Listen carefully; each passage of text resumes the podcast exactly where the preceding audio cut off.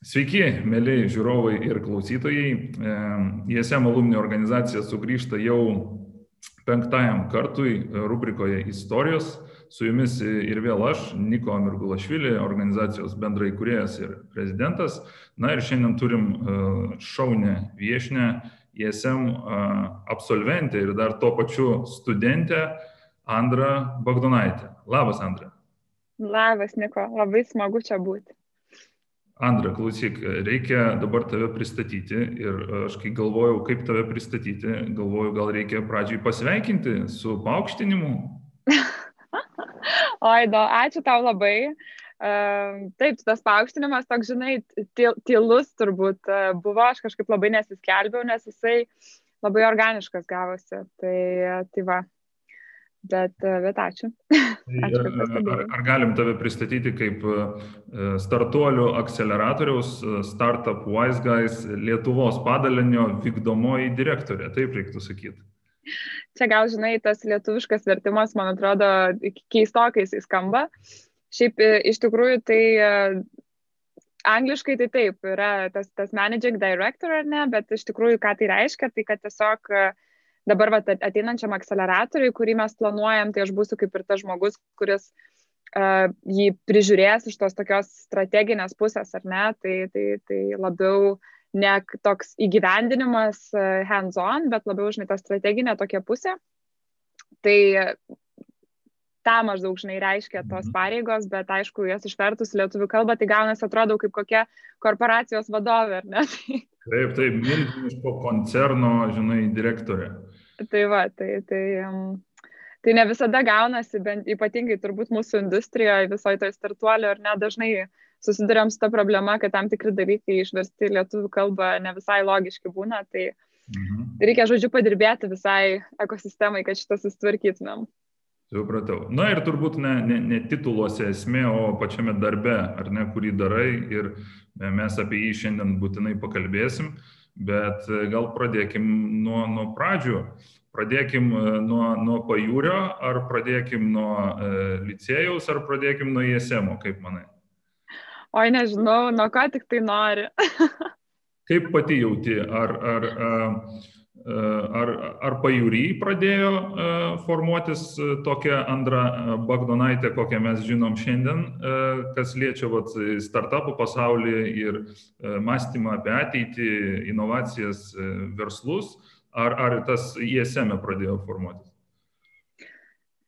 Na, žinai, čia toks sunkus klausimas, nes turbūt, kai, kai reflektuoji ir žiūri atgal, tai labai lengva rasti paaiškinimus tam tikriam dalykam, kuriuos darai šiandien, nors gal tų paaiškinimų iš tikrųjų nėra ir daug kas yra, man atrodo, gyvenime daug yra atsitiktinumo, ar ne, kurie mus nuveda į ten, kur esam šiandien. Bet aišku, jeigu aš tai pagalvoju apie savo praeitį, tai turbūt viskas prasidėjo vis tiek pajūryje, tai, tai ten, kur aš gimiau ir kur užaugau Ir dėl ko aš taip manau, mano šeima, mano tėvai kaip ir yra labiau gal buvo, nes dabar tėtis yra Seimo narys, bet buvo verslininkai ir aš nuo pat mažens užaugau toje aplinkoje verslo, ar ne. Tai, tai visą laiką um, būdavo tokios intensyvios vasaros, kada tėvai labai daug dirbdavo ir aš irgi ten nuo, nuo mažens sėdėdavau, skaičiuodavau stiklainius visokius parduotuviai iki tos, žinai, ramybės žiemą ir, ir man atrodo, kad labai daug teko prisiliesti ir suprasti, tai ką vis dėlto reiškia turėti tą savo verslą, ką kartais reikia dėl to paukoti ar ne, ir, ir, ir kad yra ir labai daug gerų dalykų, yra ir labai daug sunkių dalykų, ir vad kaip, kokią tu turi atsakomybę, kokią tu neši, kai tu turi tą savo verslą. Tai natūralu, kad labai daug aš išmokau tada, bet toks aktyvus domėjimas, jis jau tikrai startuoliais ir inovacijom, tai sakyčiau, kad labiau atsirado universiteto metu. Mhm. Tai, tai čia, žinai, irgi dar turbūt tas, tas verslas verslui neligu yra tas toks, na, tradicinis verslas ir tada yra tie visi startuoliai, kur viskas yra pagrįsta kažkokios naujos technologijos sukūrimu, tai, tai čia jau esamo indėlis. Tai e, tu irgi teisingai pasakai, retrospektyviai žiūrint viskas kažkaip aiškiau atrodo, tai turbūt ir ISM buvo toks pakankamai lengvas pasirinkimas, jeigu, jeigu nuolat sukai į verslo pasaulį. Na, nebuvo labai lengvas. E, aš kai baiginėjau mokyklą, tai uh, svarščiau apie mm, studijas labiau į tą, žinai, politologijos tokią kryptį, jau galvojau apie tarptautinius santykius arba apskritai kažkokią labiau tokį diplomatijos netgi kelią įsivaizdavau e, ir, ir svarščiau ar studijuoti Lietuvoje ar vis dėlto važiuoti į užsienį. Tai suaplikavau šiaip ir ten, ir ten. E, suaplikavau į kelias universitetus Junktiniai karalystė ir kaip ir turėjau pasiūlymus ten važiuoti. Bet E, man, mano apsisprendimui kaip ir lemiamą įtaką padarė e, šiaip e, ta iš, anks, iš ankstinis prieimimas ir, ir šimto talentų stipendija. Tai kai aš atėjau į SM tam pokalbiui ir kažkaip pamačiau tą aplinką ir pamačiau žmonės ir pamačiau dėstytojus, na aišku, ten tas interviu jis tai neilgas buvo, bet kažkaip labai, labai jis toks buvo ryškus, labai visko pilnas.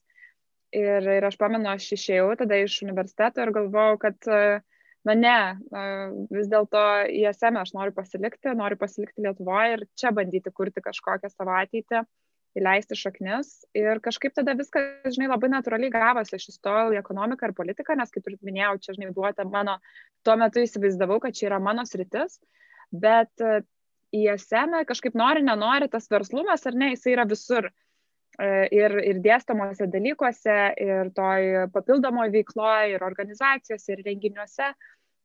Ir tas, tas verslumas, e, tos inovacijos, jos po truputį taip lipo, lipo, lipo, žinai, į mano akiratį. Ir va taip gavosi, kad aš jomis vis labiau pradėjau domėtis. Tai iš tikrųjų nebuvo toks gal, žinai, logiškas pasirinkimas, kad ISM, nes man labai įdomu verslas, o labiau buvo, kad viskas taip organiškai kažkaip išsivystė bestudijuojant. Mhm. Ir kaip prisimeni savo pirmosius metus ISM? Gerai. Labai gerai. Dabar aš, e, kaip ir tu minėjai, aš dabar irgi studijuoju, ar ne, ar mes turim visas tas paskaitas e, nuotoliniu būdu, viskas vyksta per tos timsus. Tai kai dabar pagalvoju apie bakalauro studijas, tai iš tikrųjų tokia nostalgija, prisimenu, žinai, tą ėjimą į universitetą, sėdėjimą auditorijoje, pietavimą į esamo kiemelėje. Tai tikrai pačios, pačios geriausios emocijos, kažkaip patys geriausi prisiminimai iš to universiteto. Mes turėjom labai šaunų kursą, e, mūsų buvo gal apie 40, kaip žinai, pradėjo daugiau, baigė mažiau, tai vidurkį pažiūrėjus apie 40 gal mūsų buvo. Ir buvo susirinkę labai įdomus, labai įvairūs žmonės ir mes su jais turėdavom šiaip superinės paskaitas, e, tokias pilnas diskusijų ir visokių skirtingų požiūrių ir kartais ir aršių diskusijų, bet um, tikrai, tikrai būdavo žiauriai įdomu tiesiog, tiesiog labai buvo geras laikas mokytis. E, aš atsimenu, jūsų, jūsų kursas buvo vienas tokių labiausiai susibondinusių turbūt, ar ne?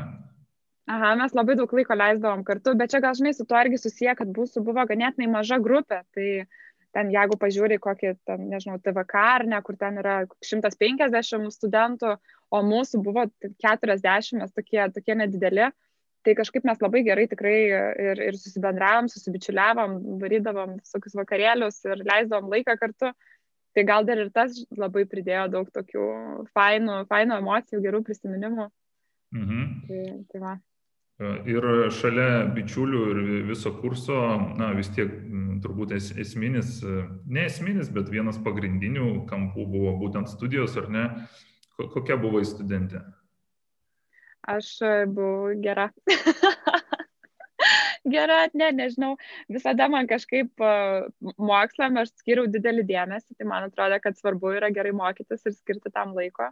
Tai pirmus, pirmus studijų metus tai visiškai tą ir dariau, žinai, koncentravausi į studijas, turėjau ten tų papildomų veiklų, buvau šitam rinkodaros klube, kur mes irgi važiuodavom, ten pasakodavom moksleiviam, apie SEMą, darydavom visokius komandos formavimo užsiemimus.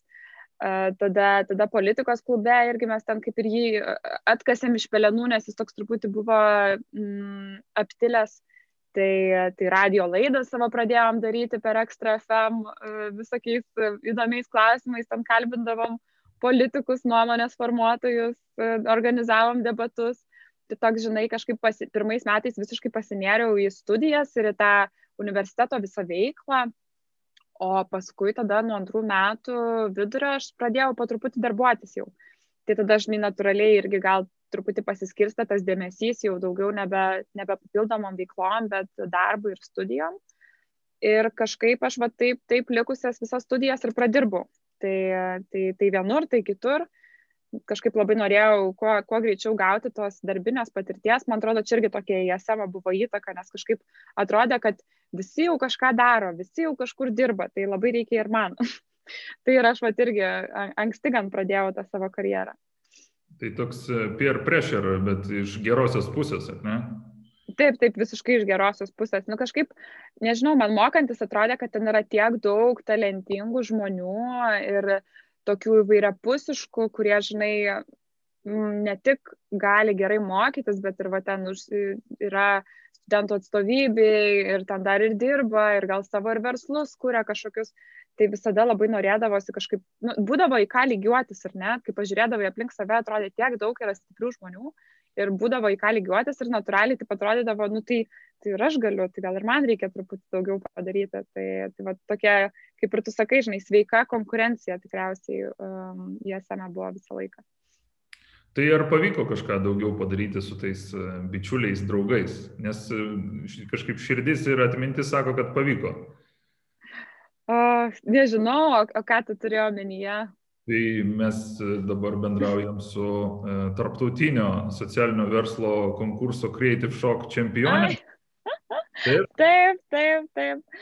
Mes, mes taip, mes subūrėm komandą Creative Shockui būtent iš, e, su savo nu, kaip iš to paties kurso, ar ne, ten tokiais draugais. Tai šiaip mes du kartus bandėm dalyvauti. Pirm, pirmą kartą mums nepasisekė, mes nepatekom į, į finalą, nepraėjom tos atrankos. O antrą kartą kažkaip pasisekė visai ir, ir mes tada, jo, ten nemegojom naktim ir darėm prezentacijas ir kai buvom pirma komanda iš ISM, kuriai pavyko uh, tapti nugalėtojais. Tai, tai tas buvo nu, labai faina. Čia, kad gal pareklamuotume mes šitą renginį, kuris šiaip yra organizuojamas mūsų universiteto studentų atstovybės, tai socialinio verslo, kaip čia, competitionas, ar ne, sprendžiat įvairiausius mhm. socialinio verslo problemas. Ir jeigu kada nors gausit kvietimą alumnai, na, paremti, tai būtinai paremkite, nes, na, tikrai aukšto lygio organizavimas. Ir jūs laimėjot, jei neklystu, keturis Turkish Airlines bilietus, ar ne?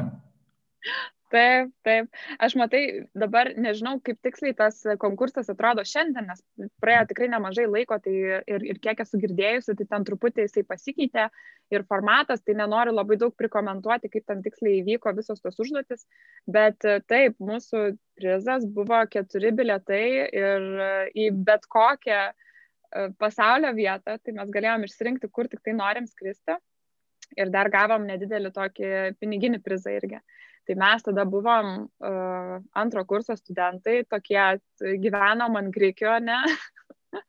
tai mums ta kelionė tada buvo kažkas, kažkas tokio, žinai, tikrai uh, mes nusprendėm, kad norim skristi kartu su savo komanda, o ne atskirai ir labai greitai susiorganizavom, gal ten per, per porą mėnesių tą kelionę pasidarėm ir išskridom trim savaitėm į Indoneziją. Tai tokie buvom E, su kuprinėm, žinai, su tuo, tuo nedideliu prizu ir, ir, ir bandėm kažkaip jį ir sutilpti tenai, bet e, buvo, nu, tikrai, tikrai kažkokia nereali ta kelionė ir nerealus tas prizas, tai aš kaip pagalvojau, kad, žinai, studentam egzistuoja tokias galimybės, tai man atrodo, kad čia yra, nu, fantastika.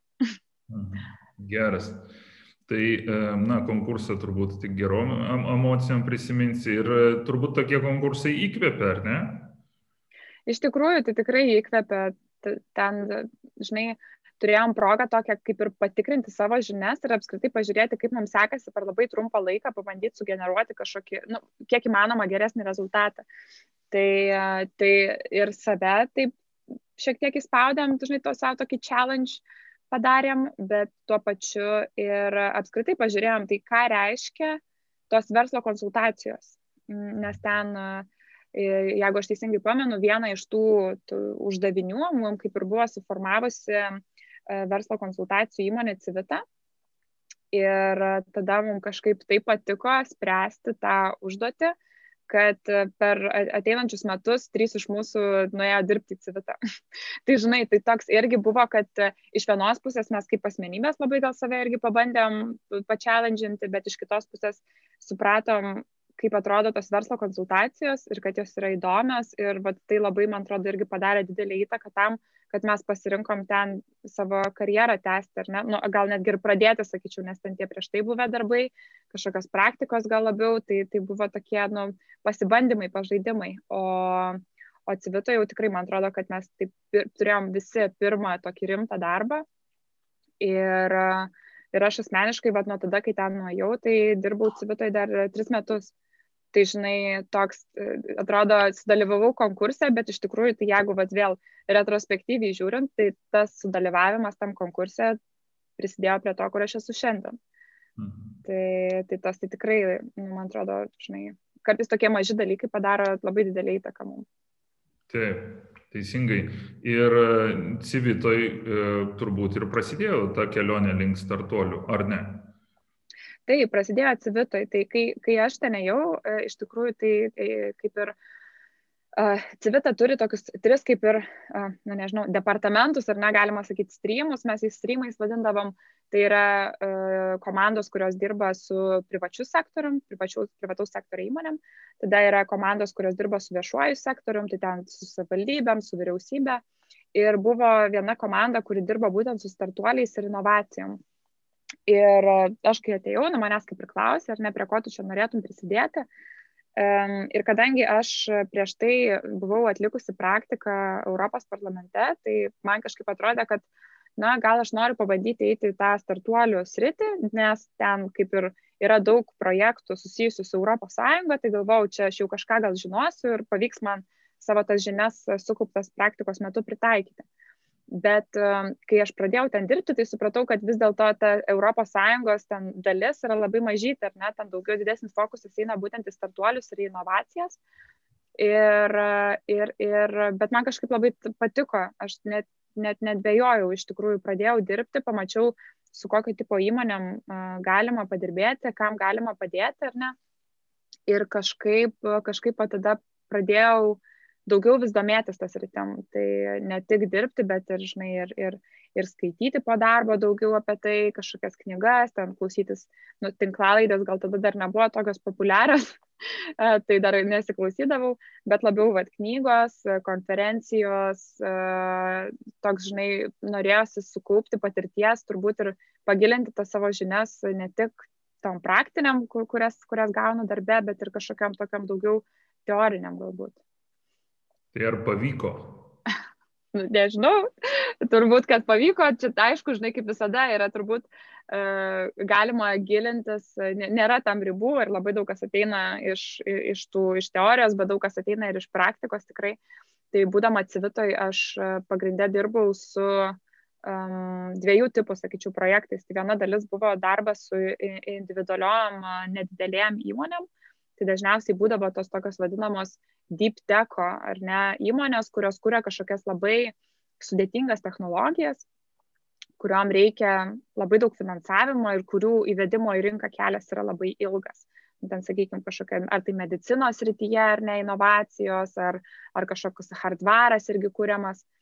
Ir mes tom įmonėm padėdavom iš esmės prisitraukti finansavimą būtent iš tų ES visokių priemonių ir tuo pačiu e, padėdavom apskritai su pačia strategija. Tai, žinai, kaip, kaip teisingai čia pagalvoti apie tą verslo modelį, kaip rinką pasiskaičiuoti, suprasti, kaip susidėlioti tą planą įėjimo į rinką, nuo ko pradėti.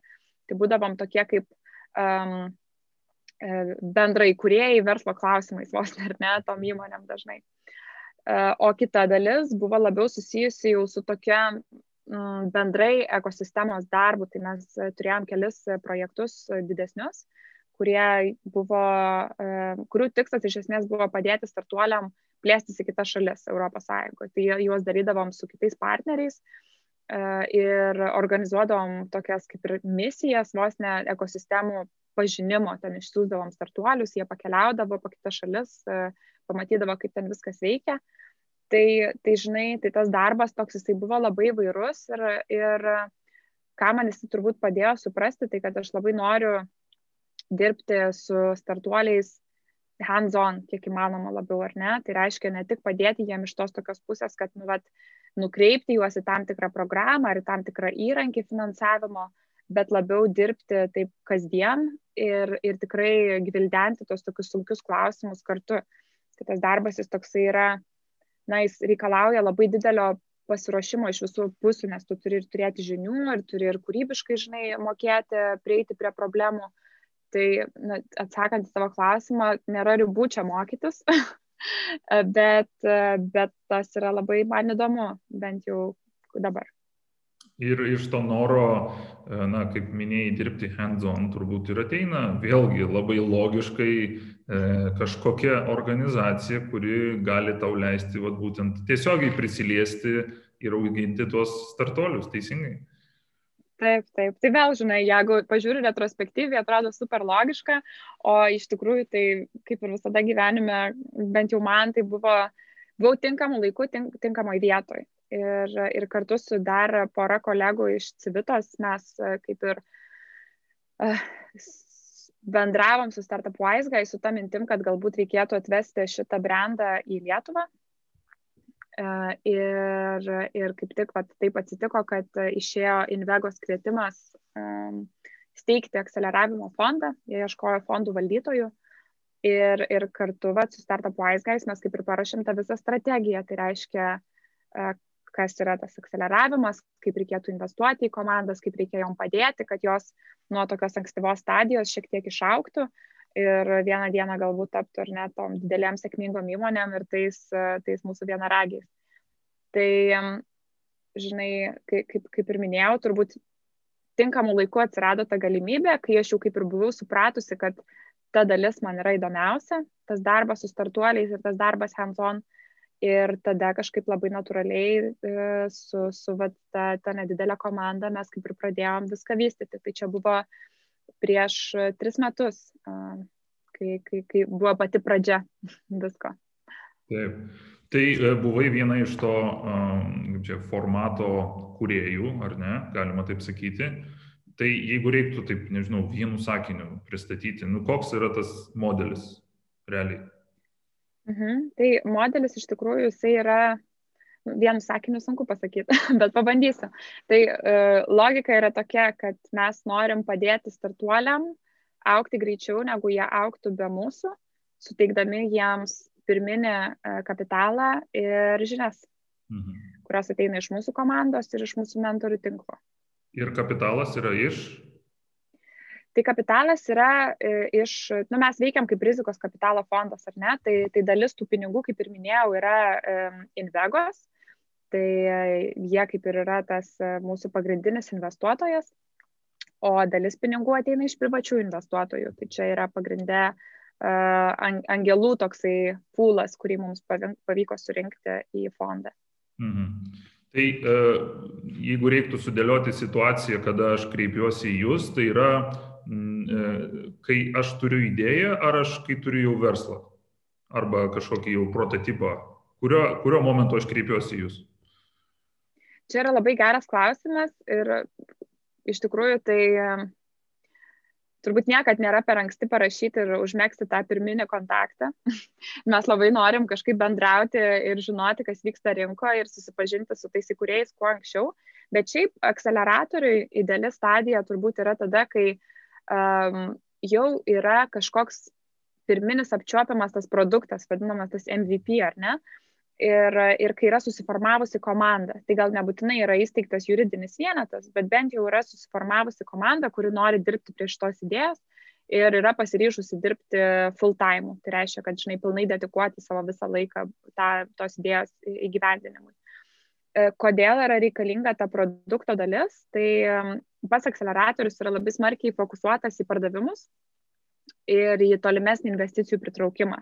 Tai tiesiog, žinai, jeigu komandos fokusas yra dar į produkto vystimą, tai jie negaus pilnai tokios vertės iš to akceleratoriaus, kokį galėtų gauti, jeigu turėtų tą produktą. Na, bet jeigu ten klausimas yra, žinai, kelių savaičių arba mėnesio, tai turbūt viskas yra ok ir mes galim irgi kalbėtis ir galim dirbti kartu. Tai, žinai, uh, it depends, bet turbūt idealiu atveju reikia to komitmento tikro iš komandos jau.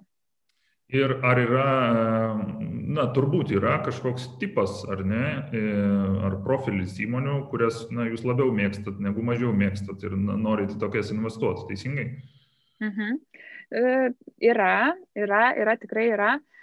Ir tai kaip ir yra labai glaudžiai susijęs su tom, to mūsų mentorių tinklu, ar ne, tai kokią tipo įmonę mes labiausiai galim padėti ir tuo pačiu su investicijos dydžiu. Tai mes paprastai dirbam daugiau su tom E, ne hardvariniam įmonėm, bet tom, kurios kuria kažkokį, žinai, digital sprendimą, tai ar tai softą, ar appsą, ar kažkokią platformą, tiesiog dėl to, kad e, na, mūsų ta investicija yra per maža, kad mes galėtumėm padėti va tom, žinai, įmonėm, kurios kuria kažkokias labai sudėtingas technologijas ir kuriam reikia labai daug investicijos. Tai pagrindė eina kalba apie digital verslus, bet tai gali būti, žinai, ir kažkoks B2C sprendimas, ir B2B sprendimas. Tai šitoj vietoj gal taip savo durų neuždarom, e, bet pagrindė, va, žinai, tas e, software versus hardware, va čia yra tas kampas, kur, kur taip jau bandom atskirti, į ką mes visgi investuojam. Ir e, kiek galima iš jūsų tikėtis? Na, vis tiek turbūt tas paketas yra, na, pinigai tik yra dalis, ar ne? Vis tiek, va, kaip minėjai, yra mentorių tinklas, yra know-how, patirtis, nežinau, galbūt ir kažkokia komanda, kuri gali su tais pardavimais padėti, ar ne? E, bet visgi esminis, ar ne, kodėl žmonės eina į tą akceleratorių, yra argumentas tai pinigai. Kiek galima iš tokio akceleratoriaus tikėtis? Ar mes čia kalbam apie tūkstančius, ar dešimt tūkstančių, ar milijoną, ar apie kokias sumas kalbam? Aha. Na, žinok, iš tikrųjų, tai pinigai, bet tu sakai, žinai, pagrindinė priežastis yra pinigai, aš tai taip dar e, padvėjočiau iš tikrųjų, ar tikrai pinigai. Manau, kad e, ta investicija yra, yra skirta tam, kad įkūrėjai galėtų full time dirbti, kad galėtų susifokusuoti tą įmonę ir pasiekti tam tikrus rezultatus. Bet iš tikrųjų ta žinių dalis ir tas visas networkas, kurį va irgi paminėjai, jisai yra, na, kartais gal netgi svarbesnis negu ta tiesiog investicija. O kalbant apie investicijos dydį, tai mes vidutiniškai pirm, kaip pirmą investiciją e, dedam 50 tūkstančių į įmonę bet e, tada galim daryti dar tas vadinamas tokias follow-on investicijas. Tai reiškia, kad po akceleravimo programos mes galim dar papildomai investuoti. Tai pažiūrėjus į mūsų portfelį, dabar mes esam e, padarę 33, e, investavę į 33 įmonės ir ten ta investicija varijuoja nuo 30 tūkstančių iki beveik pusės milijono. Tai čia, vadžinai, yra, yra tokių, kurie gavo tą pirminį investiciją, o yra tokių, kuriuos mes kaip ir uh, kuriam padėjom truputį ilgiau. Tai, tai labai, labai įvairu. Aišku, vis tiek tai yra vis dar ankstyva stadija, tai ten, žinai, nėra tos milijoninės investicijos, bet nu, yra vis tiek skirtumas, ar ne, tarp, tarp 50 ir 500 tūkstančių. Na, žinai, mes labai dažnai, turbūt e, ypatingai šiais laikais ir, nežinau, įvairiuose portaluose ir užsienio ir Lietuvos skaitom, kad ten, nežinau, ar Lietuvos ar kokia kita įmonė pritraukė ten X kiekį investicijų, ar ne? Na nu, ir dažniausiai ties ten baigėsi tas straipsnis, ten pamini, kad, e, žodžiu, ta investicija labai padės mūsų įmoniai, nu, žodžiu, tinkamai parašytas e, pranešimas spaudai. Bet kur keliauja tie pinigai, žinai? Ar tai yra įrangos pirkimas, jūsų atveju jūs minėjot, kad tai yra labiau digital produktai, tai ten to hardware nelabai ar ne. Tai ar kas tai yra ten, nežinau, programuotojų atlyginimai, ar tai yra marketingas, kur, kur tie pinigai keliauja? Turbūt priklauso nuo įmonės, bet vis tiek yra esminės sritis. Mhm. Tai e, visiškai esi teisus, e, priklauso tikrai nuo įmonės, bet sakyčiau, kad e, didžiuoju dauguma atvejų tai pinigai nueina vis dėlto į tą žmogišką į kapitalą, ar ne? Tai yra į, į, į komandos didinimą, į atlyginimus, į, jeigu, žinai, kažkokia yra plėtra, tai galbūt naujų žmonių samdymo tose naujose rinkose. Tai čia yra didžioji dalis. O kita dalis tada jinai dažniausiai nueina į vis, visus pardavimus tai žinai pardavimus į marketingą tai čia aišku jau priklauso nuo verslo modelio į ką ten tiksliai e, reikia fokusuotis žinai ar ten yra kažkokių adsų pirkimas ar tai yra e, pardavimų resursų pirkimas, tai reiškia žmonių, žinai, e, bet, bet sakyčiau, kad pagrindė į ten nueina. Tai taip, žinai, yra, yra ir pardavimų ir marketingo biudžetas, yra tada ten produkto vystimo biudžetas ir iš esmės didžioji dalis tų kaštų yra vis tiek e, žmogiškieji ištekliai. Tai, tai va. Tai, žinai, bet kurio verslo e, didžiausia baime turbūt yra, kad jisai investuos į žmogiškai kapitalą ir tada žmogiškasis kapitalas pabėgs, ar ne? Turbūt viena iš baimių yra tokia. Tai jūs to bijot, ar jūs kaip tik pasitikit žmonėm, ar kaip atrodo ta e, talentų e, rinka, ypatingai va, ankstyvoji stadijoje, turbūt, na, aš įsivaizduoju, na, tikrai nėra lengva sumedžiot tinkamą ar ten programuotoją, ar ten kokį CMO, kaip ten yra. Na, e, tikrai nėra lengva, ypatingai turbūt dabar, kai mm, Lietuvoje labai sustiprėjo apskritai ta visa startuolio ekosistema, ar ne, ir mes matom ten e, tuos gigantus kaip, kaip Vintadas, kaip Tasonetas, kaip Kilo, ar ne, kurie tikrai labai labai aktyviai samdo ir jie, žinoma, yra jau dideli ir gali pasiūlyti daug visokių pridėtinių verčių darbuotojams. Tai čia yra labai džiugu, bet tuo pačiu ir, ir sunku, žinai, tiem, tiem ankstyvos stadijos startuoliam. Bet labai dažnai um, žmonės kaip ir turi tą norą, ne, kažką kurti, prisidėti prie kažkokio naujo, naujo produkto sukūrimo arba prisidėti prie naujos įmonės vystimo. Tai uh, manau, kad vienas iš pagrindinių tokių kaip ir driverių dažnai yra tiesiog motivacija ir tas noras dirbti mažoji jaukioj komandai ir pamatyti labai greitai tą uh, įgyvendintą kažkokį rezultatą, ar ne. Mhm. Bet žinoma, tai čia yra na, tokia soft dalis, o jeigu mes kalbam konkrečiai apie kažkokias priemonės, tai uh, dažniausiai uh, įmonė turi tuos opcionus, ar ne, tai kažkokią dalį akcijų, kurią atiduoda darbuotojam ir paprastai yra taikomi tam tikri saugikliai. Tai pavyzdžiui, tu turi išdirbti uh, tam tikrą e, laiko tarpą, kad tu, tau, žinai, atsidarytų ten tie opcionai. Arba jeigu tai yra kažkokių pardaviminių, e, pardavimų, tarkim, žmogus, tai kartais tie opcionai gali būti pririšti prie rezultatų pasiekimo, pavyzdžiui, tam tikri KPIs tai iškelti.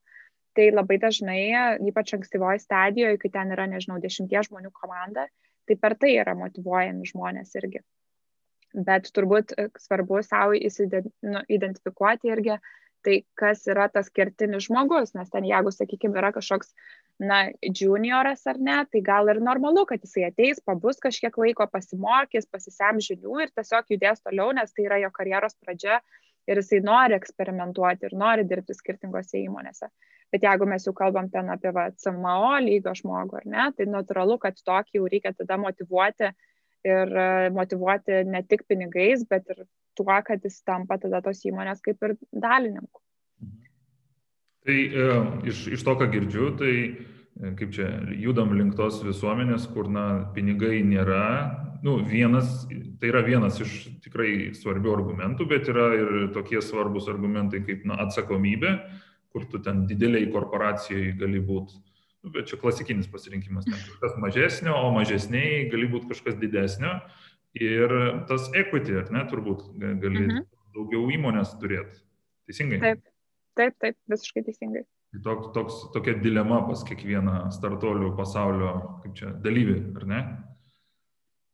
Na, taip, taip, ta dilema tikrai yra, bet aš kažkaip manau, kad va, ta, ta pirmoji dalis, ar ne, kurią tu sakai, kad tiesiog žmonės pavargsta nuo tos rutinos, nuo to tokio labai vienodo darbo ir, ir nori tikrai, žinai, įgalinti save ir išnaudoti savo potencialą ir irgi pažiūrėti, tai kur jie vis dėlto, kiek jie gali sukurti daug, kiek jie gali daug padaryti.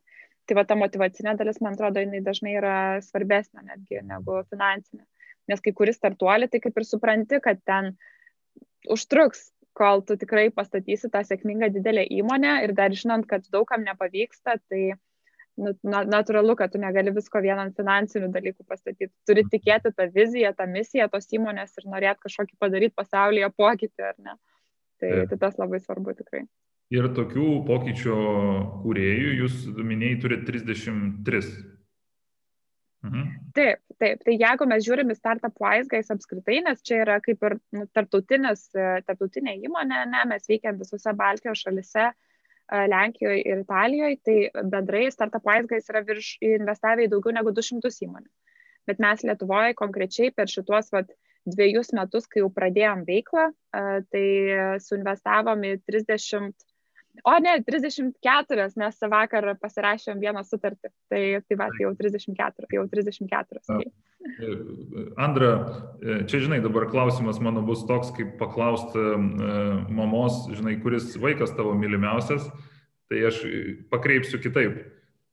Kuris vaikas, jūsiškis startup Wiseguys labiausiai nustebino? Ah, labiausiai nustebino. Hmm, oi, čia geras klausimas labiausiai nustebino turbūt uh, uh, vienas startuolis, į kurį visai neseniai mes investavom. Mhm. Tai su, su juo susipažinom vasarą. Uh, labai netikėtai tiesiog per LinkedIn susirašėm. Ir čia yra startuolis šiaip iš Čekijos. Um, mes susirašėm su juo per LinkedIn pernai vasarą ir aš jam sakau, labas, žinai, man labai patinka tavo startuolis, gal pasikalbam apie Startup Wise Guys. Ir su juo pasiskambinom ir jis sako, jo, aš jūs žinau, apie jūs esu girdėjęs, bet man čia kaip ir gal nelabai įdomu, jūs čia esate Lietuvoje, aš čia Čekijoje, man čia gal ne visai aktualu. Na nu, ir kažkaip mes tą pokalbį tada taip pabaigėm, bet jisai kažkaip labai užsikabino ir tada parašė mums ir sako, na žinokit, vis dėlto aš e, apie jūs labai daug galvoju, noriu, noriu ateiti pas jūs į programą, noriu jūsų pagalbos, noriu jūsų mentorių. Nu, ir mes ten su juo dar kalbėjom, kalbėjom, kalbėjom ir kažkaip galiausiai paėmėm jį į programą. Bet kodėl jisai man gal taip uh, nustebino ar ne, tai kai mes su juo pradėjom šnekėtis pernai vasarą, tai jisai buvo tik tik paleidęs tą savo sprendimą, ten buvo pirmieji kažkokie labai nedideli klientai, o vat, šiandien neseniai irgi atsiuntė savo mėnesinę ataskaitą, kad dabar jisai jau daro virš 30 tūkstančių pajamų kas mėnesį. Ir užaugino tą įmonę, žinai, nuo visiškai vieno žmogaus iki to, kad dabar dirba ten 12 žmonių ir auga tai kaip, kaip pagal vadovėlį, žinai, ta kreivė taip tukš tiesiog gražiai taip kyla. Tai, nus, žinai, toks nustebino iš tos pusės, kad turbūt um, atrodė, kad nieko iš to nesigaus, neišeis mums kartu dirbti, o galiausiai va, dirbam kartu ir jis labai sėkmingai auga ir toks, žinai, tiesiog smagu, smagu kai atsiunčia kažkokį update ir atrodo, va, jėga, žinai, kaip puikiai sekasi. Ir koks tai sprendimas, kokia, kokia įmonė? Jie vadinasi Realtify. E, jie daro tokį kaip e, duomenų analitiką nekilnojamo turto rinkai, kad, žodžiu, e, ten brokeriai arba šiaip NT vystytojai turėtų prieigą prie, prie kainų. Tai jie mhm. bando kaip ir demokratizuoti, žinai, tai, kad mes nematom kainų ir, ir renka duomenis iš labai daug visokių šaltinių, juos agreguoja ir tada daro tos tokius uh, predictionus ar ne, kokios galėtų būti tam, tam tikrų nekilnojamo turto, vienet, turto vienetų kainos ir, ir kaip jos gali kisti irgi bėgant laikui. Mhm. Tai čia kainos turbūt, kaip čia, objekto ar, ar sklypo, mhm. bet ne komercinės ten B2C, čia ne, ne tas. Čia labiau, čia labiau jo, čia labiau tas sprendimas gal yra B2B, jisai ten skirtas, žinai, yra, vad sakau, visokiem ar tai agentam, ar, ar, ar kažkokiem brokeriam, ar vystytojam, tai tiem, kurie, tie, kurie, žinai, nori matyti rinką ir stebėti, kas tenai vyksta. Geras. Na, iš to, ką girdžiu, tai tikrai atrodo na, naudinga, nes tikiu, kad da, dabartiniais laikais vis dar viskas vyksta, žinai, Va taip, sužinant. Taip, taip, taip. E, Exceliai, skambučiai ir panašiai. Bet šiaip, žinai, aišku, tas mūsų portfelis, jisai toksai dar yra ganėtinai jaunas, vis dėlto mes tik porą metų investuojam, bet tikrai yra tokių įmonių, kur, nu, su kuriais tiesiog, sakyčiau, founderiai, žinai, yra esmė, kad juos smagu matyti, su jais smagu susitikti, tu nori jiems padėti, jie patys irgi mes dabar vat, persikeliam į, į naują ofisą, tai žinai, būna atvažiuoja ten ar iš Kauno, ar, ar Vilniui, kai būna šalia užbėga ir tiesiog tokie kaip šeimos dalis. Tai aš čia paminėjau vat, Realtify, bet šiaip tai tikrai uh, labai sunku pasakyti, žinai, kad yra kažkoks ten vienas, kuris ten ar, ar nu, bet numylėtinis, kaip tu sakai. Visus vaikus myli vienodai, taip. Taip, taip, taip. taip. O klausyk, e, Andra, e, čia turbūt tikiu, kad buvo, esi jau gavus šitą klausimą, aš dar kartelį paklausiu na, vis tiek matai, kaip auga tos įmonės, vat, žinai tos e, success stories ir, ir turbūt tikiu, kad ir pačią labai motivuoja dar labiau, žinai, dirbti, prisidėti, kai matai tokį augimą. Tai ar, ar, ar kažkada galvoji, kad norėtum būti šalia tų 30 jau keturių? Taip, tai tu esi teisus, dažnai sulaukiu šito klausimo. Um, aš pati turbūt manau, kad mano darbas yra lengvesnis tikrai negu tų, tų founderių, žinai, nes jie, jie yra tie, kurie kiekvieną dieną galvoja, kaip čia tą įmonę auginti ir kurie kartais galvoja net ir kaip čia, žinai, reikės kitą mėnesį atlyginimus sumokėti ir ten yra tiek daug visokių niuansų ir tiek daug streso ir visko. Tai mes, tie investuotojai, žinai, žiūrėdami iš šalies ir bandydami patarti, tai aišku, esam tie tokie nu, mums lengviau, ar ne, tikrai, tikrai mums, mums yra lengviau negu tiems įkūrėjams. Bet uh, aš kol kas tai visai gerai jaučiuosi ten, kur esu, ar ne, man patinka, patinka galimybė pamatyti daug skirtingų founderių ir prisidėti prie daug skirtingų verslų vienu metu. Tai turbūt uh, čia gal labai žinai irgi yra susijęs su tuo, kad aš, vat, kai dirbau civitoje, tai ten irgi projektinė veikla, daug skirtingų projektų ir tu turi kaip ir uh, tokią, žinai, dinamiką nuolat. Tai manau, kad man tas labai patinka mano darbė šiandien irgi, kad aš turiu tą galimybę, žinai, labai dinamiškai pažiūrėti ir vieną, vieną dieną čia kalbu vat, su įmonė iš Čekijos, kitą dieną ten, nežinau, su, su įmonė iš Estijos. Ir ta, ta įvairovė, tai mane tikrai labai žavi. Tai aš kažkaip kol kas gerai jaučiuosi uh, būdama užkulisiuose ir stebėdama tas įmonės, o, o, o jom atiduodu tą, žinai, spotlight ir, ir tą jau vietą ant scenos, sakykime. Mhm. Tai va, bet nežinau, gal kada nors visko gali būti. Pažiūrėk. Niekada nežinai, ar ne? Tai va. Kažkada įvyks ir tada retrospektyviai suprasi, kad viskas taip ir turėjo būti. Taip, tada atsidarysiu šitą interviu ir sakysiu, va, čia aš iš tikrųjų apie tai galvojau. Čia buvo pirmas kartas, kai Andra paminėjo, žinai, apie mintis. O, vat paminėjai gerą žodį, užkulisė, aš vienas iš žodžių, kurį, aplink kurį norėjau, žinai, šiandienos mūsų pokalbį statyti. Mes labai dažnai, kaip čia, stebim tą rinką, ar ne, startuolių ir labai, kaip čia, suglamūrinam, ar ne, čia kaip koks Hollywoodas gaunasi, ar ne, dalinam tos Oskarus, žinai, metaforiškai kalbant, ten e, labiausiai išaugus įmonė, daugiausia talentų pritraukusi, ten, nežinau, mūsų šalies pasididžiavimas ir taip toliau, ar ne? Bet, na, turbūt žinom, kad kaip ir bet kokioj srityje, na, visur yra ir, grožio, ir negrožio, ar ne? Kokie tie užkulisiai? Aš tikiu, kad na, vis tiek ne, ne, gal nereikia labai į kažkokias konkrečias įmonės, kažkokias konkrečias problemas, bet kokie yra tie užkulisiai, kur na, mes mažiau pamatom kaip na, įprasti e, mirtingieji piliečiai? Oi. Ka, kaip čia, žinai, pasakyti, tie užkulisiai yra tiesiog e, tokie, kad na, kurti savo verslą yra sunku ar ne? Kad ir kokį verslą tu darytum, manau, ar tai yra tradicinis verslas, ar tai yra startuolis, kurti verslą yra sunku, ypatingai kurti nuo nulio. Ir natūralu, kad tas startuolio kelias, jisai yra nelengvas, tai jame yra labai daug streso, labai daug atsakomybės, kaip ir minėjau, ar ne. Tu turi galvoti, kaip įkūrėjas, tu turi galvoti ir apie tai, kaip čia parduoti, kaip čia rasti naujų klientų, kaip didinti savo pajamas. Tuo pačiu metu turi galvoti, ar tavo produktas jau yra parengtas, ar jisai gali atitikti klientų lūkesčius, kaip jį reikia uh, keisti, kaip jį reikia tobulinti. Tada tu turi iš kitos pusės, žinai, dar visą savo komandą ir turi galvoti gerai, kaip motivuoti savo žmonės, kaip, uh, kaip užtikrinti, kad kitą mėnesį turėsim iš ko jiems sumokėti. Uh, kaip užtikrinti, kad nebus kažkokių ten teisinių problemų ar ne, kad yra viskas teisingai sutvarkyta, ten jeigu yra kažkoks uh, sprendimas, tai ten, nežinau, badaras dabar irgi atsirado ar ne, didelis galvos skausmas.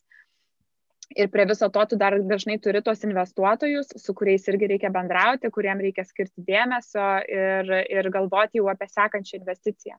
Tai mes, kai pradedam akceleratorių, akceleratorius pradžioj rodom tokią prezentaciją, kur yra maždaug, ką turi žinoti startuolio įkūrėjas, ar ne? Ir ten perinam per va šitas kelias temas.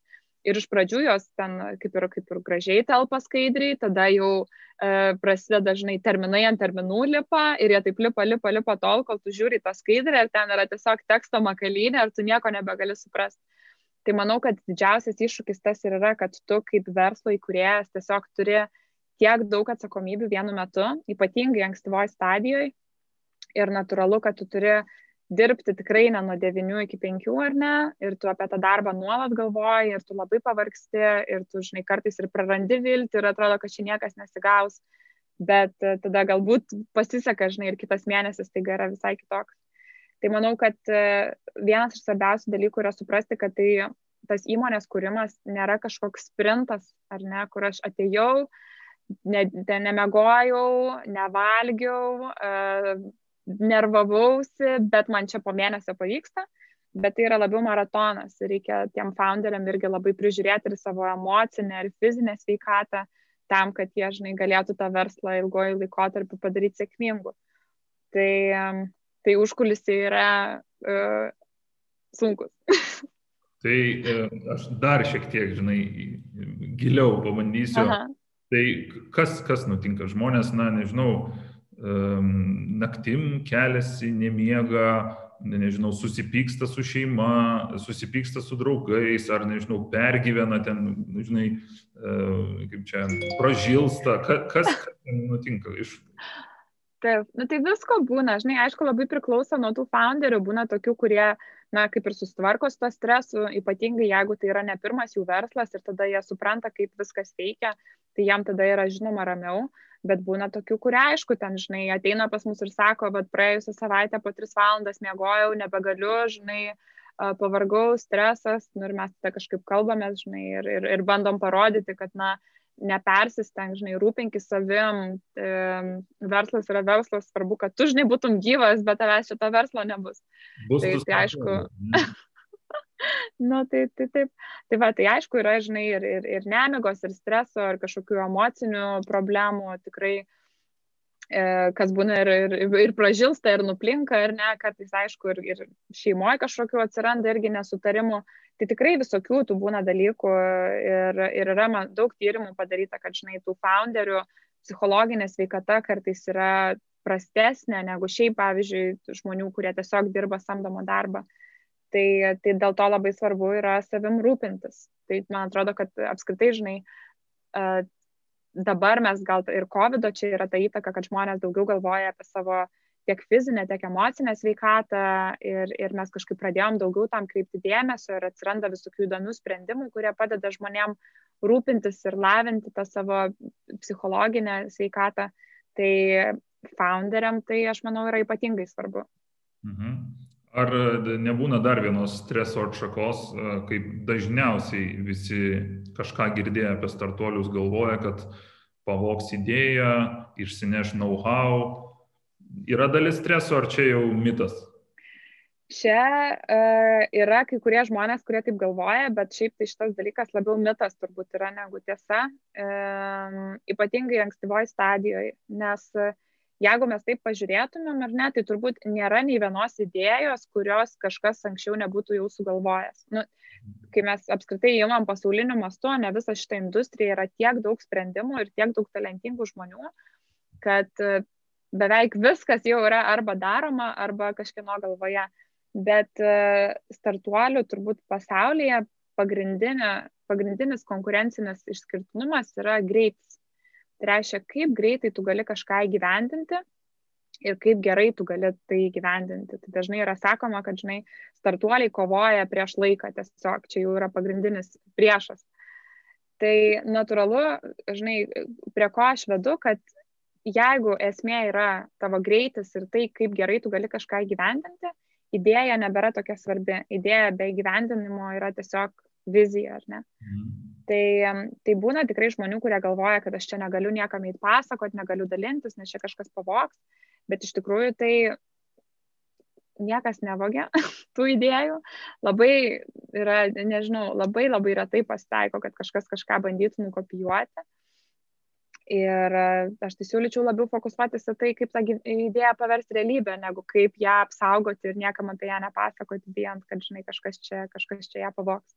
Ypatingai tokioje rinkoje kaip Lietuva, kur visi vieni kitus žino ir tavo, žinai, labai dažnai yra čia reputacinis irgi klausimas, kad jeigu tu kažkokią idėją iš, kažkio, iš kažko nukopijuosi, tai čia, žinai, visi žinos tuoj, nes tiesiog per maža rinka. Ir e, kažkada esu galvojęs, kad toks paradoksas gaunasi, žmonės savų idėjų nesugeba įgyvendinti, tai jau, jie jau tikrai nesistengs taviškis. Taip, tas irgi tiesa, žinai, tikrai, tikrai e, sutinku su tavim. O juo labiau, kad man atrodo, yra kaip tik labai svarbu eiti ir kalbėtis apie ta, tai, ką tu nori kurti, nes tu tada gali susirinkti feedbacką iš žmonių, ypatingai iš tų, kurie galbūt dirba toj rinkoje arba susiduria su ta problema, kurią tu nori išspręsti. Tai dažnai pasidalindamas tą savo idėją, tu gali kaip tik gauti tokių papildomų, žinai, verčių, negu kad jeigu tu ten tyliai bandytum daryti, sukurtum, paleistum tą produktą ir tada suprastum, kad rinkai vis dėlto reikia kažko visiškai kito, negu tu maniai. Tai tas dalinimasis yra, aš tai labiau jį matau, žinai, kaip tokį pat privalumą. Taip, toks turbūt visi akceleratoriai tą akcentuoja, kad, na, testas prieš realybę, ar ne, kuo greičiau sužinot, ar čia žmonės, na, patinka jiem, nepatinka, naudotų, nenaudotų nu, ir pats laimi, ar ne? Taip, taip, tai žinoma, tai žinai, tu gali, vat, kaip ir sakau, labai daug uh, išvaistyti ir laiko, ir energijos, ir pinigų, bandydama sukurti produktą, kuris yra tavo galvoje tobulas, tu tada jį vat, paleidi rinką ir matai, kad, žinai, jisai yra nereikalingas, nesinaudoja, galbūt kažkokių visiškai kitų funkcijų vis dėlto reikia žmonėm arba įmonėm. Tai tikslas yra kuo greičiau sukurti kuo uh, paprastesnę tą produkto versiją, kurią būtų galima jau parodyti klientam, parodyti, žinai, galutiniam vartotojam ir gauti tą jų grįžtamą į ryšį, siekiant tą produktą patobulinti. Tai šiaip, jeigu, žinai, mes pagalvotume apie tos ir didelius startuolius, tai produkto tobulinimui niekada nėra ribų. Ten tas pats Vintedas, ar ne, prasidėjo kaip e, webe tik tai buvo, mano drabužiai.lt, atsimenu, aš tada irgi naudojausi, čia buvo naujiena. Tai buvo paprastas daiktas, kur, žinai, tiesiog įkeldavai, jokių ten papildomų funkcijų nėra, susirašydavai su žmogum ir viskas.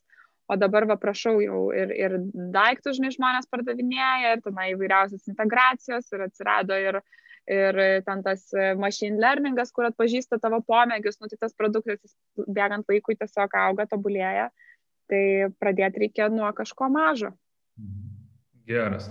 Na, labai įdomu, mes nuo, nuo tokių abstrakčių temų šiek tiek nuėjom prie, prie konkretumų, bet tas turbūt ir yra įdomu. O, o jeigu sugrįžti tokį žingsnį atgal padaryti, tokį bigger picture, čia kaip už manęs bigger picture, tai e, tokį bigger picture e, ties tavim, tai vykdomoji direktorė, ar ne, labai gerai skamba.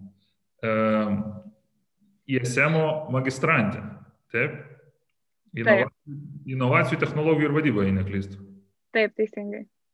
Ar yra dar kažkas? Turiu omeny iš veiklų dabartinių. Iš veiklų?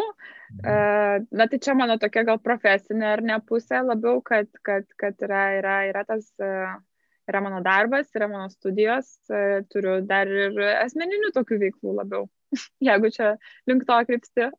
Tai, e, nu, gal, galima ir taip sakyti, tai ar, ar suklysiu spėjęs, kad viena iš veiklų yra bėgimas? Taip, visiškai teisingai. Jau a, šiek tiek daugiau negu metus a, aktyviai bėgioju. Tai čia tokia irgi buvo gal karantino įtaka, ne, nes užsidarė visi sporto klubai, reikėjo sugalvoti, kaip čia toliau sportuoti. Ir aš visada turėjau tokią svajonę, kad norėčiau bėgioti, man kažkaip atrodė labai žavu, kai žmonės gali tiesiog bėgti, kada jie turi laiko, kad ir kokioje, žinai, pasaulio vietoje jie yra, tiesiog paėmė, išbėgi ir, ir, ir viskas, ir, ir medituoji. Tai aš labai norėjau kažkaip pradėti ir vat karantinas buvo toks kaip ir paskatinimas pradėti daryti. Ir, na va, jau daugiau negu metai aš kiekvieną savaitę po 3-4 kartus bėgu. Geras. Tai čia, kad žiūrovams ir klausytojams patikslinti, aš, aš apie bėgimą sužinojau ne iš researcho, o iš asmeninės patirties, kadangi aš Vingio parke labai mėgstu vakarais, nu, kaip čia, vaikščioti, žygiuoti, o, o, o, Andra mėgsta bėgioti Vingio parke, ar ne? Ir kažkaip taip. taip, kad ten, nežinau, septynių dienų laikotarpį mes vat, prasilenkiam gal tris kartus. Taip, taip, bet aš, aš visada prabėgu pro Niko ir jis būna labai rimtas toks vaikšto ten verslo susitikimus kažkokius daro. tai mes tik pasimojuojam, taip, bet taip, jeigu, jeigu pamatysit Vingio parke, tai drąsiai kviečiu pasimojuoti. Aš tikrai dažnai, dažnai ten bėgioju, man labai patinka. Džiaugiuosi, kad Vilnius yra toks žalės miestas, kur galima bėgti, žinai, ne, ne rajone, bet vat, nuvaryti į parką, kur miškas, kur gamta. Ir aišku, labai gerai, kad Vilnius ganėtinai toksai lygus miestas, tai nėra daug įkalnių, lengviau bėgti. Mhm. Jo, kartais tik pora yra, kai iš senameščio nori iškeliauti, ten su dviračiu, ten e, Naugarduko, jei neklystų, pavyzdžiui. Taip, taip. Ten, ten sunkiau, bet jo, tikrai, tikrai lygus ir žalės. E, ir, ir bėgimas ir dar kažkas, ar ne? Kažkas skanesnio. Ai, taip, taip, aš labai mėgstu maistą, dar čia tokia mano yra mm, guilty pleasure, ar ne, tai, tai, tai aš labai mėgstu tiek gaminti, tiek šiaip domiuosi šiek tiek maistu ir apskritai mytybą, na ir labai mėgstu eiti ir kažkur į kokį restoraną ar kavinę, tai vat, labai džiugiuosi, kad jau pagaliau galėsim vėl grįžti į kavinės, kad ir laukia pasėdėti. Tai, tai Andra, dabar amžiaus klausimas. E, koks restoranas arba kavinė bus pirmasis, į kurį tu keliausi, kai viskas atsidarys? Uf, čia labai geras klausimas. Iš tikrųjų, tai dar neapsisprendžiau, bet, bet galiu, pasakyti, galiu, galiu pasakyti apie savo uh, naujausią atradimą mhm. šio savaitgalio. Tai šį savaitgalį uh, užsisakiau, dar užsisakiau, nes dar nebuvo galima gyvai nueiti. Užsisakiau maisto iš uh, tokio, tokios nedidelės kavinukės, kuri vadinasi Culture uh, Vegan Junk Food. Ir ten, žodžiu, yra uh, toks kaip uh, maistas jų primena šiek tiek kokybišką McDonald'ą veganam. Tai viskas yra uh, plant-based, žodžiu, nėra visiškai mėsos, bet nerealiai skanu ir buvo labai labai geras maistas, net ir atvežus jį voltui, kas dažnai būna, kad atšalą, žinai, ar dar kas nors. Tai aš nekantrauju nueiti ir pabandyti tenai pavalgyti vietoj, kur, kur, žinai, ten viskas karšta, dar garuoja ir, ir labai rekomenduoju tikrai pabandyti. Tai ką jie turi? Burgeriai, bulvytės, kas? kas? Jo, ten pagrindė visokie burgeriai, tokie, sakau, primena netgi McDonald's, žinai, tokie kaip ten tie cheeseburgeriai tie. Bet e, yra ir visokių veganiškų, ten fish and chips, man atrodo, bulvyčių yra, tai, tai mac and cheese jie dar daro, nu, žodžiu, tokių įvairių, įvairių maistų, bet viskas veganiška ir, ir dėl to įdomu, žinai, gal kad kažkaip naujai, bet e, labai tikrai skanu. Mhm. Tikrai. Super. Yeah. Aš, aš e, prisipažinsiu, esu old schoolinio McDonald's fanas ir e, labai laukiu, nes anadien sužinojau, kad McDonald's planuoja sugražinti uh, quarter pounder with cheese, royalį. Uh, okay. E, tai, bet, bet žinai, aš visada už naujus dalykus, tai gal nukonkuruos man senąjį McDonald'ą, taviškis. Na, pa, žinai, pabandyti tikrai verta, manau. O jo, McDonald's tai aišku yra jėga, vis tiek čia klasika tokia mano iš, iš visų fast food chains, tai mėgstamiausias yra McDonald's. Nesvarbu, tu ten founderis ar ne founderis, e, viską atrasi, žinai, kur, kur nukeliauti tą mūsų mėgstamiausią užeigą. Tikrai taip. tai e, labai labai smagu, Andra, kaip čia, nežinau, nesusipažinti, nes mes pažįstam, bet, na, vis tiek pandemijai, kaip čia, įsibėgėjus, kiek čia jau pusantrų metų ar ne beveik toj bus, tai e, tikiu, kad visi žmonės šiek tiek jaučiasi, na, taip atitolę vienas nuo kito, ar ne, kur vos ne iš naujo reikia susipažinti, toks, kur, o tai ką tu veikiai tos pusantrų metų? Hmm. E, tai, tai tikiu, kad mums visiems bus pakankamai čia, turini, turininga vasara, kai reikės su visais ketšapintis, ne? Tai, tai aš labai džiaugiuosi, kad mes su tavim dabar ketšapinomės ir, ir tikiu, kad dar ateityje turėsim progų. Tai mano paskutinis klausimas tau būtų jau klasikinis, ką mūsų organizacija visada užduoda. Tai ką, ką palinkėtum kitiem ISM alumnams? E, labai geras klausimas. Aš dar prieš, prieš atsakant, tai norėjau tau, Niko, padėkoti irgi, kad pakvietei mane. Tikrai, man irgi labai smagu su tavim uh, ketšapinti. Tai, tai faina, apskritai labai man to patinka visa iniciatyva, tai labai smagu, kad jūs ją darot. Na, o ko aš norėčiau palinkėti, tai uh, turbūt tokios drąsos, ar ne, gal, gal nebijoti kartais taip uh, priimti labai kažkokius teisingus sprendimus, nebijoti kartais surizikuoti, ar tai būtų nauja kažkokia karjeros kryptis, ar tai būtų tas startuolis, apie kurį galbūt seniai jau kažkur, žinai, širdį kirba toks noras, ir, ir, bet visada baisu pradėti, baisu, kad nepasiseks galbūt. Tai, tai va, to ir norėčiau palinkėti, žinai, nebijoti, imtis kažkokių naujų veiklų, ar verslo, ar darbo, ar bėgimo, ar veganiško burgerio, kad ir kas tai būtų, nes visos tos patirtis, man atrodo, jos taip nuspalvina mūsų gyvenimą, ypač dabar, kai, kai tikrai esam tokie gal truputį, kaip ir tu sakai, ar ne, pavargę, ar vieni kitų, vieni kitų pasilgę ir atitolę, tai tikrai padarykit čia ką nors drąsaus, ar tai būtų pakviesti draugą į barą laus, kurios seniai nematėt, ar tai būtų, va, sakau, veganiškas burgeris. Tai reikės kviesti į tą barą, kur Vilniaus savivaldybė dabar planuoja išnuomoti 20 aukšte, gal skaitai. Ne, aš to nemačiau, geras. Jo, jo, virš mero kabineto e, nori išnuomoti e, restoranui arba barui. Tai man atrodo, vat, su puikiu vaizdu kada nors. Kaip faina, tikrai, tikrai reikės būtinai tada ten užsukti. Taip. Tai Andra, ačiū tau labai. Ačiū. Ačiū, Niko. Ačiū ir mūsų, mūsų klausytojams ir žiūrovams. E, šiam, šiam kartui tiek. Su istorijos e, rubrika mes tikrai dar sugrįšim. Tai sekit mūsų socialiniuose tinkluose - Facebook, LinkedIn, Instagram. E, vos tik viskas atsidarys, na, mes tikrai norėtume jau su jumis, ISM alumnais, absolventais, na, pasimatyti gyvai. Vis tiek visai kitas bendravimo lygis ir, na, smagumas ir, ir turinys. Tai, tai tikrai dėl to informuosim, tai sekit mus ir, ir, ir, ir manau greitų metų mums pavyks tą padaryti. Tai dar kartelį, ačiū labai Andra. Ačiū tau, Niko. Ir ką, gražios dienos tada. Na, taip pat, iki kitų kartų. Viso. Iki.